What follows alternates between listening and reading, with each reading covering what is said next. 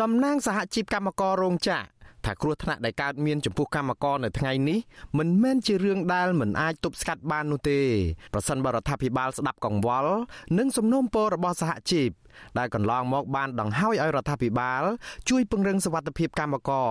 ដូចជាការបញ្ចេញរថយន្តបន្ថែមដើម្បីរំលែកកម្មករកុំឲ្យជិះប្រជ្រៀតគ្នាដោយម្រាមដៃបែបនេះបរដ្ឋាភិបាលមិនអាចផ្អាកដំណើរការរោងចក្រមួយរយៈបានទេនោះ។ ប្រធានសហព័ន្ធសហជីពកម្ពុជាអ្នកស្រីយ៉ាងសុភ័ណ្ឌសោកស្ដាយដែលរឿងអកុសលនេះត្រូវកើតឡើងជាយថាហេតុចំពោះកម្មករនៅរោងចក្រឌីនហានក៏ប៉ុន្តែអ្នកស្រីមិនភ្ញាក់ផ្អើលចំពោះរឿងនេះទេព្រោះស្ថានភាពកម្មករសពថ្ងៃកិច្ចមិនផុតពីឆ្លងជំងឺនេះនោះឡើយគ្រាន់តែយូរនឹងឆាប់តែប៉ុណ្ណោះម្យ៉ាងទៀតអ្នកស្រីថាវិធានការរបស់ក្រសួងសុខាភិបាលអនុវត្តមិនបាននៅតាមរោងចក្រនោះទេ ដោយសារអីដូចតែបានដឹងអញ្ចឹងថាធម្មតាក្រុមហ៊ុន មានតដាយកែប្រែច្បាប់ផលិតកម្មរបស់ក្រុមហ៊ុនកែប្រែទីឃ្លាឬកម្លៀតអីហ្នឹងទៅតាមក្រសួងសុខាភិបាលដែលបានប្រកាសមកពីណាមានផងហ្នឹងហើយបន្ទាប់មកមួយធរថាម៉ាស់ដែលកម្មករពាក់ម៉ាស់របស់កម្មករពាក់បើជាការពិតសម្រាប់បរិបទស្រុកខ្មែរយើងនេះវាវាខុសពីស្រុកគេខ្ញុំមើលទៅម៉ាស់ហ្នឹងវាវាអត់មានគុណភាពណាបងប្អូនកម្មករគាត់មិនមែនធ្វើពាក់ម៉ាស់ហ្នឹងមួយមួយថ្ងៃទេគាត់ពាក់រហូតដល់គាត់គក់ហើយគាត់ពាក់ទៀត ហើយដឹងថាស្ថានភាពពួកគាត់កំពុងតែប្រឈមអញ្ចឹងហើយគួរតែរៀបចំឲ្យគាត់សម្ភារមិនអីមិនអីចឹងទៅឲ្យចេញលុយឲ្យគាត់មិនអីទៅខ្ញុំគិតថាគួរតែបានរៀបចំអញ្ចឹងប្រតិកម្មរបស់ប្រធានសហជីពរូបនេះធ្វើឡើងក្រោយកម្មករជាង50នាក់នៅរោងចក្រឌីនហាន ដែលស្ថិតនៅសង្កាត់ស្ទឹងមានជ័យ3រាជធានីភ្នំពេញមានឆ្លងជំងឺ Covid-19 នេះ បើទោះបីជាការផ្ទុះការឆ្លងរីករាលដាលជំងឺនេះចូលដល់រោងចក្រដែលមានកម្មករជិត3000នាក់តាំងតែពីថ្ងៃទី2ខែមេសា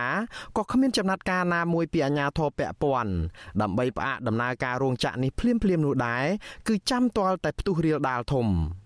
ប្រធានសហជីពប្រជាធិបតេយ្យកម្មករកាត់ដេរកម្ពុជា ប្រចាំរោងចក្រកាត់ដេរឌិនហាន លោកឡុងសក្តា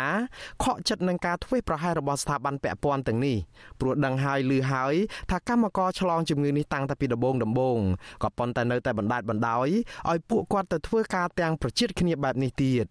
ពេលពូភ្លាមយកតែអ្នកដែលពាក់ព័ន្ធមួយអ្នកទុកទៅឲ្យធ្វើការឲ្យធ្វើការនឹងសិនរហូតដល់ជាងមួយអាទិត្យ 50នាក់តែមិញតែមុននឹង50នាក់នោះថ្ងៃទីថ្ងៃទី3មានមានម្នាក់យុទ្ធថ្ងៃទី2ហើយថ្ងៃទី3យើងដឹងមានម្នាក់ដល់ថ្ងៃទី3យកទៅអ្នកប៉ះពាល់ផ្ទាល់ហ្នឹងយកទៅពិនិត្យមានទៀតមានបន្តដល់ថ្ងៃទី5ទៀតហើយថ្ងៃទី5យកទៅពិនិត្យបន្តបន្តអ្នកដែលប៉ះពាល់គ្នាតហ្នឹងឃើញ8អ្នកទៀតតែអត់ទាន់បិទទេនៅវិជាគ្នាបងទួលស្គាល់ថានៅតែប្រជិតគ្នាទី1គាត់ជិះទៅធ្វើការ ដែលផ្ទុះហើយហ្នឹងក៏បជាហើយបន្ទាប់ពីនឹងមកក្រុមហ៊ុនបានចាត់ចែងឲ្យពួកគាត់ទៅផលិតដំណាហើយជូនឡានទៅក៏បជាដូចគ្នាទៀត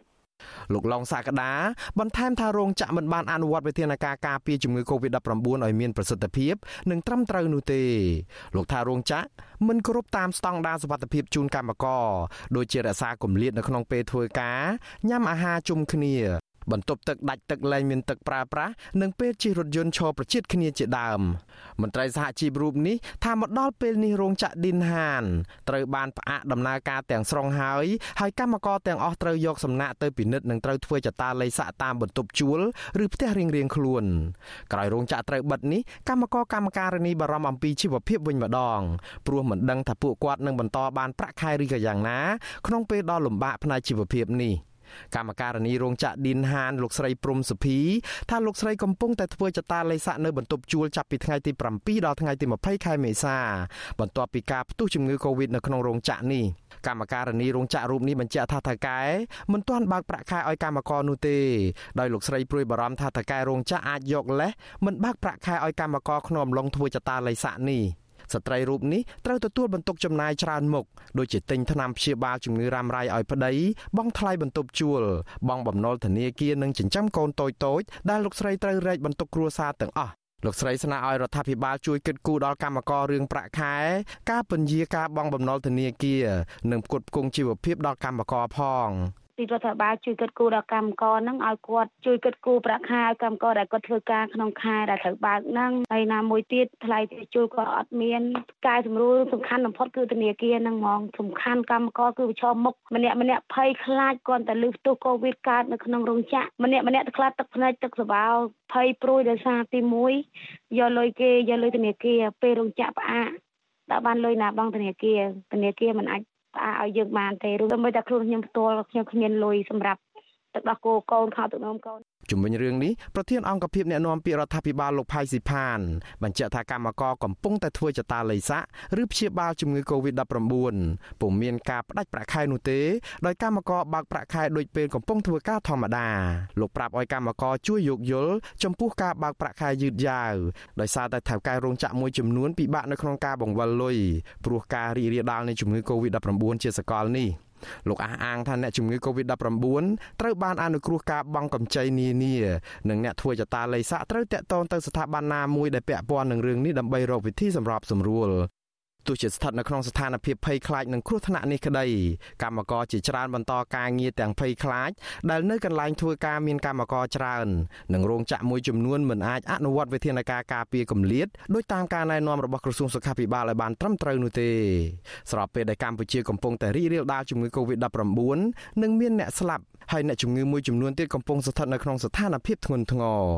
ជាងនេះទៅទៀតករណីចម្លងនៅក្នុងសហគមន៍ក៏បានបន្តកើនឡើងខ្ពស់ ក្រសួងសុខាភិបាលបានរកឃើញករណីចម្លងថ្មីនៅក្នុងសហគមន៍ចំនួន113នាក់ទៀតនៅថ្ងៃទី8ខែមេសាក្នុងចំណោមនោះអ្នកឆ្លងភ ieck ច្រើនជាកម្មករនិងអាជីវករផ្សារអូរស័យគិតមកត្រឹមថ្ងៃទី8ខែមេសាកម្ពុជាមានអ្នកកើតជំងឺ Covid-19 ជាង3000នាក់នៅក្នុងនោះអ្នកជាសះស្បើយមានជិត2000នាក់ហើយអ្នកកំពុងសម្រាកព្យាបាលមានជាង1000នាក់អ្នកស្លាប់ដោយសារជំងឺ Covid-19 នេះកើនឡើងដល់ទៅ24នាក់ហើយ ខ្ញុំបាទមុងណារ៉េត With you Azizi Saray ពីរដ្ឋធានី Washington